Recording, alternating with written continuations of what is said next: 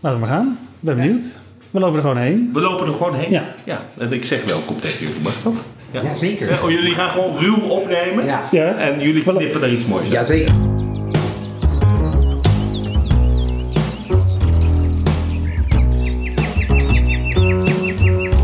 Kunst Centraal. We zijn nu bij de directeur, geloof ik, hè? Ja, klopt. Bij de artistiek directeur van het Centraal Museum. En ik eh, wil jullie heel graag een schilderij laten zien. Wat niet zoveel mensen weten dat dat in de collectie van ons zit. Zullen we gaan kijken? We zijn in een anoniem depot, ergens in Utrecht. Via een donkere gang met laag plafond komen we in een grijze kamer met kaal beton. Vier stoelen staan keurig opgesteld om een rek. En aan dat rek hangt. Potverdorie! Een Vincent van Gogh! Het Centraal Museum in Utrecht is het oudste stadsmuseum van Nederland. Met een rijke en veelzijdige collectie. Kunst, design, mode, stadsgeschiedenis en een bijzondere Dick Bruna-collectie. In iedere aflevering staat een kunstwerk of object centraal en nodigen we twee gasten uit om ons mee te nemen in hun verhaal en blik. We dagen hier bij jou, de luisteraar, uit om voor beide eerste indruk waar te nemen. Aflevering 1. Sous-bois.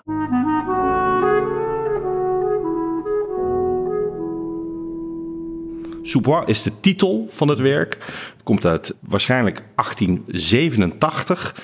En eh, laat op een ongelooflijk mooie manier de transitie zien waar Van Gogh in die periode in zat. De luisteraar heeft er allemaal geen donder aan, want die kan het niet zien. Nee, zullen we hem eerst maar eens even goed Ja. beschrijven?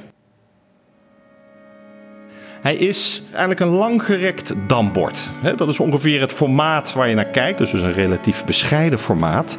Wat direct opvalt is dat het een ongelooflijk levendige vertoning van bostinten is. Groen vermengd met roze, groen vermengd met geel, groen vermengd met rood. Eigenlijk is het een hele stippelachtige compositie. Sous-bois betekent zoiets als kreupelhout. Je ziet de onderkant van een boom, alleen de stam en de dichtbegroeide bosgrond eronder.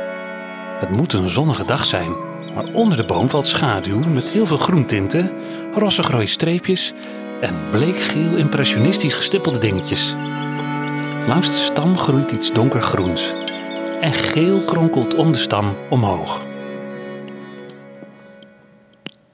En hier zie je dan ook die ontwakenende Van Gogh, die we allemaal kennen met die pasteuze, ruwe toets.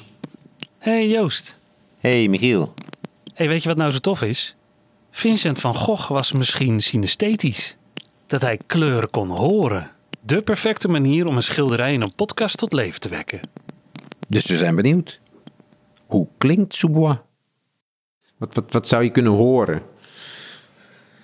Goh, wat is een, eh, een eh, hele mooie synesthetische vraag. Eh, nou, ik denk dat de cliché zou zijn om hier met een klarinet op te gaan improviseren. Omdat je dan die lichtheid en dat onbevattelijke van de schilderijen van Van Gogh heel goed kan pakken.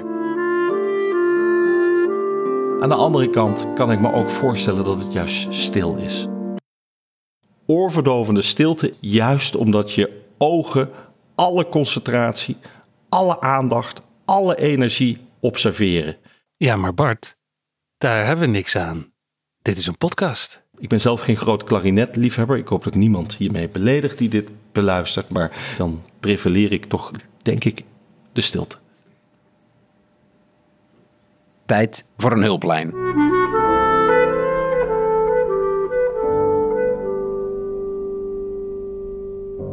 Ehm, jullie zijn in de studio van Merle Bergers en dat ben ik. Merle, jij bent synesthetisch, hè? Ja, dat klopt. Wat is dat? Synesthesie is dat je met het ene zintuig iets waarneemt en het andere zintuig vindt daar een verbinding mee. Dus je, je luistert naar muziek en je ziet kleuren.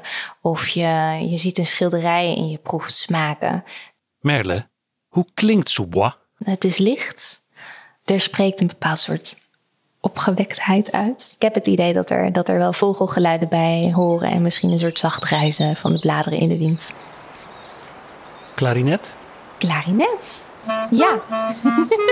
Klarinet. Nou, Bart die, eh, die had onmiddellijk de associatie met een klarinet. Ja, een heldere noot. Ja, ik moet ook meteen denken aan de muziek van eh, Claude Debussy. Er zijn heel veel verschillende toetsen. Net zoals in de muziek van Debussy, dan gaat het zo heel snel, al die noten achter elkaar. Die, eh, die neigen naar helderheid.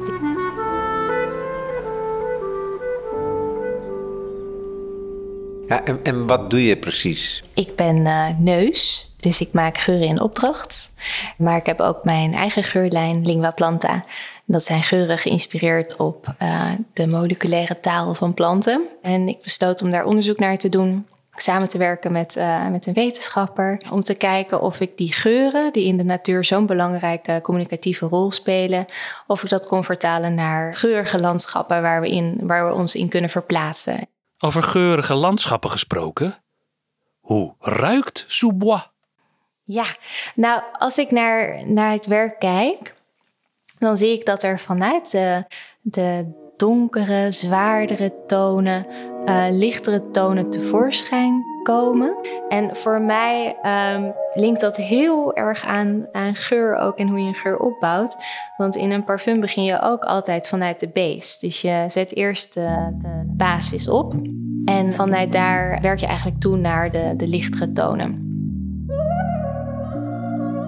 Zou jij de Sous-Bois geur kunnen maken? Waar ik vanochtend opeens aan dacht, was dat ik een geur heb gemaakt die uh, understory heet. En understory betekent ondergroei. Dus het struikgewas. Je hebt Sous-Bois al gemaakt. ik heb Sous-Bois gemaakt, ja. ja, en daar, uh, daar dacht ik echt pas vanochtend aan dat ik dat ik ook zag van, oh ja, ik heb die geur ook zo opgebouwd. Zo eerst vanuit het, vanuit het mos en die aardetonen, uh, een beetje patchouli. Ben ik uh, naar het licht gegaan, heb ze maar eerst de stam van de geur uh, met sendelhout en ook een beetje lavendel voor de verzachting. Dacht ik, oh, ik zie ook een soort van lavendeltonen in die bast. Hoe, hoe grappig en hoe toevallig is dat? En, en ja, wat Vincent van Gogh ook doet, is het zoeken naar het balans. Dus je hebt die gele toets die zorgt dat, dat je de ervaring van licht hebt. Dat zorgt voor, de, voor het contrast eigenlijk met die zwaardere tonen.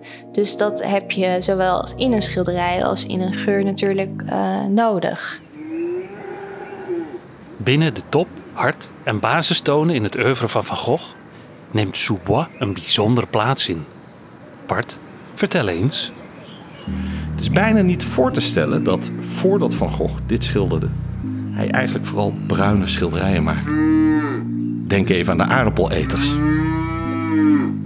Laten we dit voor het gemak de basistoon van Van Gogh noemen. Parijs trekt hij niet meer naar twee jaar. In uh, 1888 neemt hij de trein naar Zuid-Frankrijk, naar Arles. En is dan ook op zoek naar dat enorm wilde zonlicht van dat Zuid-Franse landschap de knetterende toptonen van Van Gogh die we allemaal kennen. Maar tussen de basistonen van Brabant en de gele toptonen van Zuid-Frankrijk missen we een deel: de verbindende harttonen.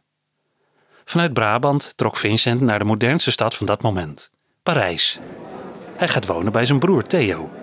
Maar Vincent wordt in Parijs helemaal lijp te midden van al die stadsdrukte. Dit is de opmaat naar natuurlijk het oeuvre waar hij zo ontzettend geliefd om is. Hè? Die fascinatie voor juist dat aardse, voor iets wat heel dichtbij is, voor die liefde voor de natuur, voor de puurheid.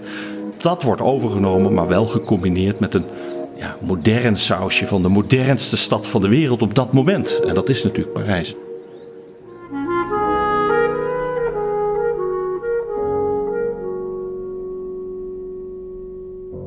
We weten nu hoe Sous-Bois klinkt, hoe het ruikt en ook waarom het zo belangrijk is in het oeuvre van onze Vincent. Maar kunnen we Sous-Bois ook zelf beleven? En waar? Er zijn verschillende theorieën waar dit uh, geschilderd is. Je moet je voorstellen, in Parijs heeft de man het zo druk dat hij eigenlijk nauwelijks brieven stuurt. Dus waar hij in de rest van zijn carrière heel nauwkeurig altijd precies beschrijft. Nou, hier was ik mee bezig en ik heb toen daaraan gedacht, et cetera, et cetera. Heeft hij in die periode relatief weinig gecorrespondeerd. Dat komt natuurlijk ook omdat hij met zijn grootste penvriend samenwoonde. Dat was zijn broer. dus hij hoefde geen brieven te sturen. Toch heeft Vincent in die periode een brief geschreven. Wat ik van mijn eigen werk vind, is dat het schilderij van aardappelen etende boeren dat ik in Nune heb gemaakt, toch het mooiste is wat ik heb gemaakt. Pas sindsdien heb ik geen gelegenheid gehad om modellen te vinden, maar in tegendeel de gelegenheid gehad om de kwestie van kleur te bestuderen. En als ik later toch weer modellen voor mijn figuren vind, dan hoop ik te laten zien dat ik iets anders zoek dan groene landschapjes of bloemetjes.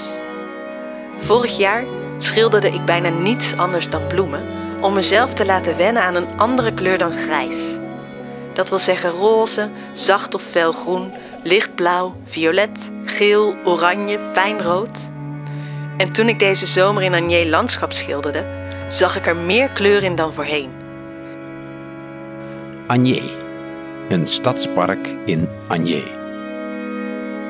Ik zelf heb je altijd heel sterk dat gevoel van een man alleen. Zo'n moment dat je gegrepen wordt door de schoonheid van de speling van licht in de natuur. Dat je stilstaat bij iets waar je normaal gesproken achterloos aan voorbij loopt. Het is altijd als je in het bos staat of in het park staat en je bent even bevangen door de schoonheid van de plek. Dat je eigenlijk wil dat je even met rust wordt gelaten. En dat je even helemaal zelf kan zijn in die plek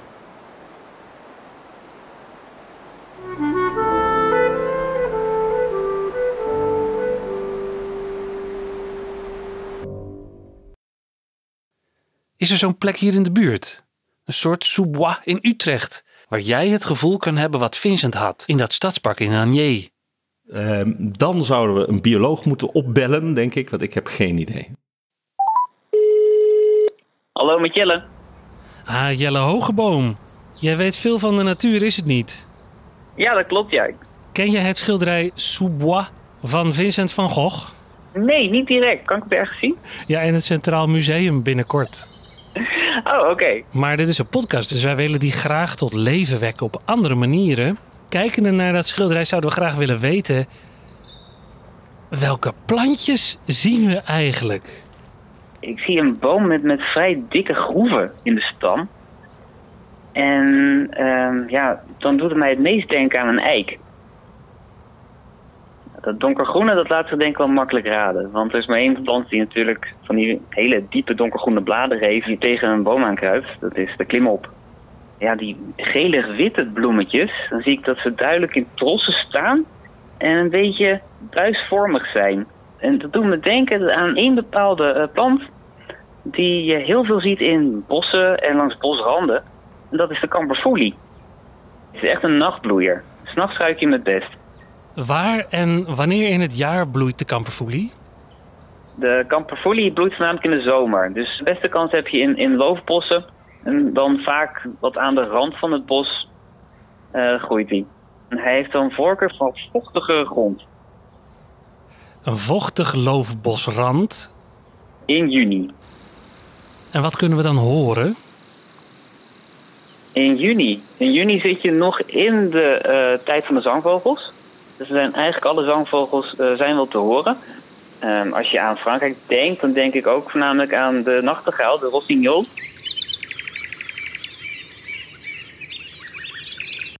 Denk aan loofbossen, dan heb je natuurlijk ook de wielenwouw. Echt een vogel die je vaak in juni hoort. Merels, zanglijsters. Dus het is helemaal niet stil? Het is niet stil in dit bos. De meeste vogels blijven nog zingen tot mid juni, eind juni ongeveer. Uh, tot aan de langste dag.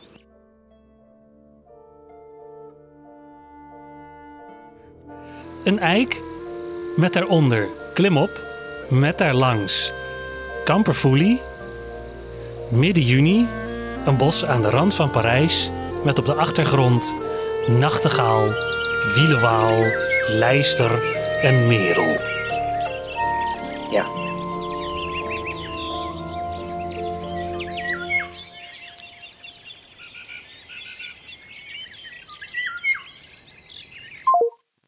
Ik had, ik had vermoedens van een eik, maar niet van die kamperfoelie. Maar dat is natuurlijk wel een hele mooie geur. Ja, dan wordt het meteen een wat bloemiger bos. Terwijl ik dat in eerste instantie niet zo had voorzien. Dus dat, uh, dat geeft hem wat meer uh, warmte ook. En een zoetige bloemgeur die zo ja, met de wind, met de warme wind nog, zo je neus in, in glijdt. Kamperfoelie groeit gewoon in Nederland. Het is een van de lekkerste geuren die ik ken. Het heeft ook iets van, uh, van vanille. Heel zacht en fijn. Ik kom niet heel vaak kamperfoelie tegen. Nee, zeker niet, niet gewoon in een bos. Jullie? Vlak na de opname appte Merle ons. Ik heb kamperfoelie gevonden. In Beerschoten. Je kan Soubois dus in het echt beleven op fietsafstand. In Landsgoed Beerschoten.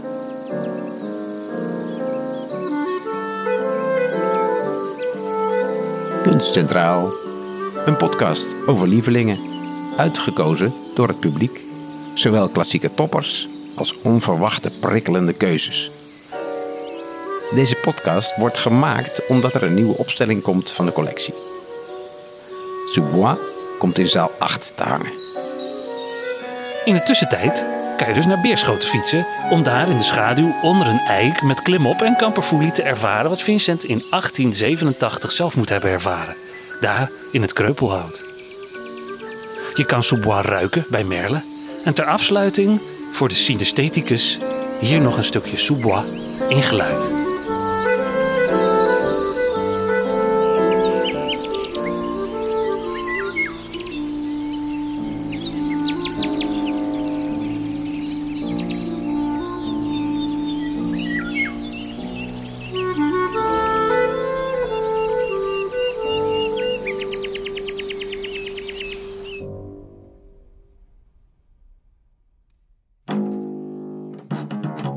Het werk Soubois van Vincent van Gogh is bij de opening van de nieuwe collectiepresentatie te bewonderen in het Centraal Museum te Utrecht.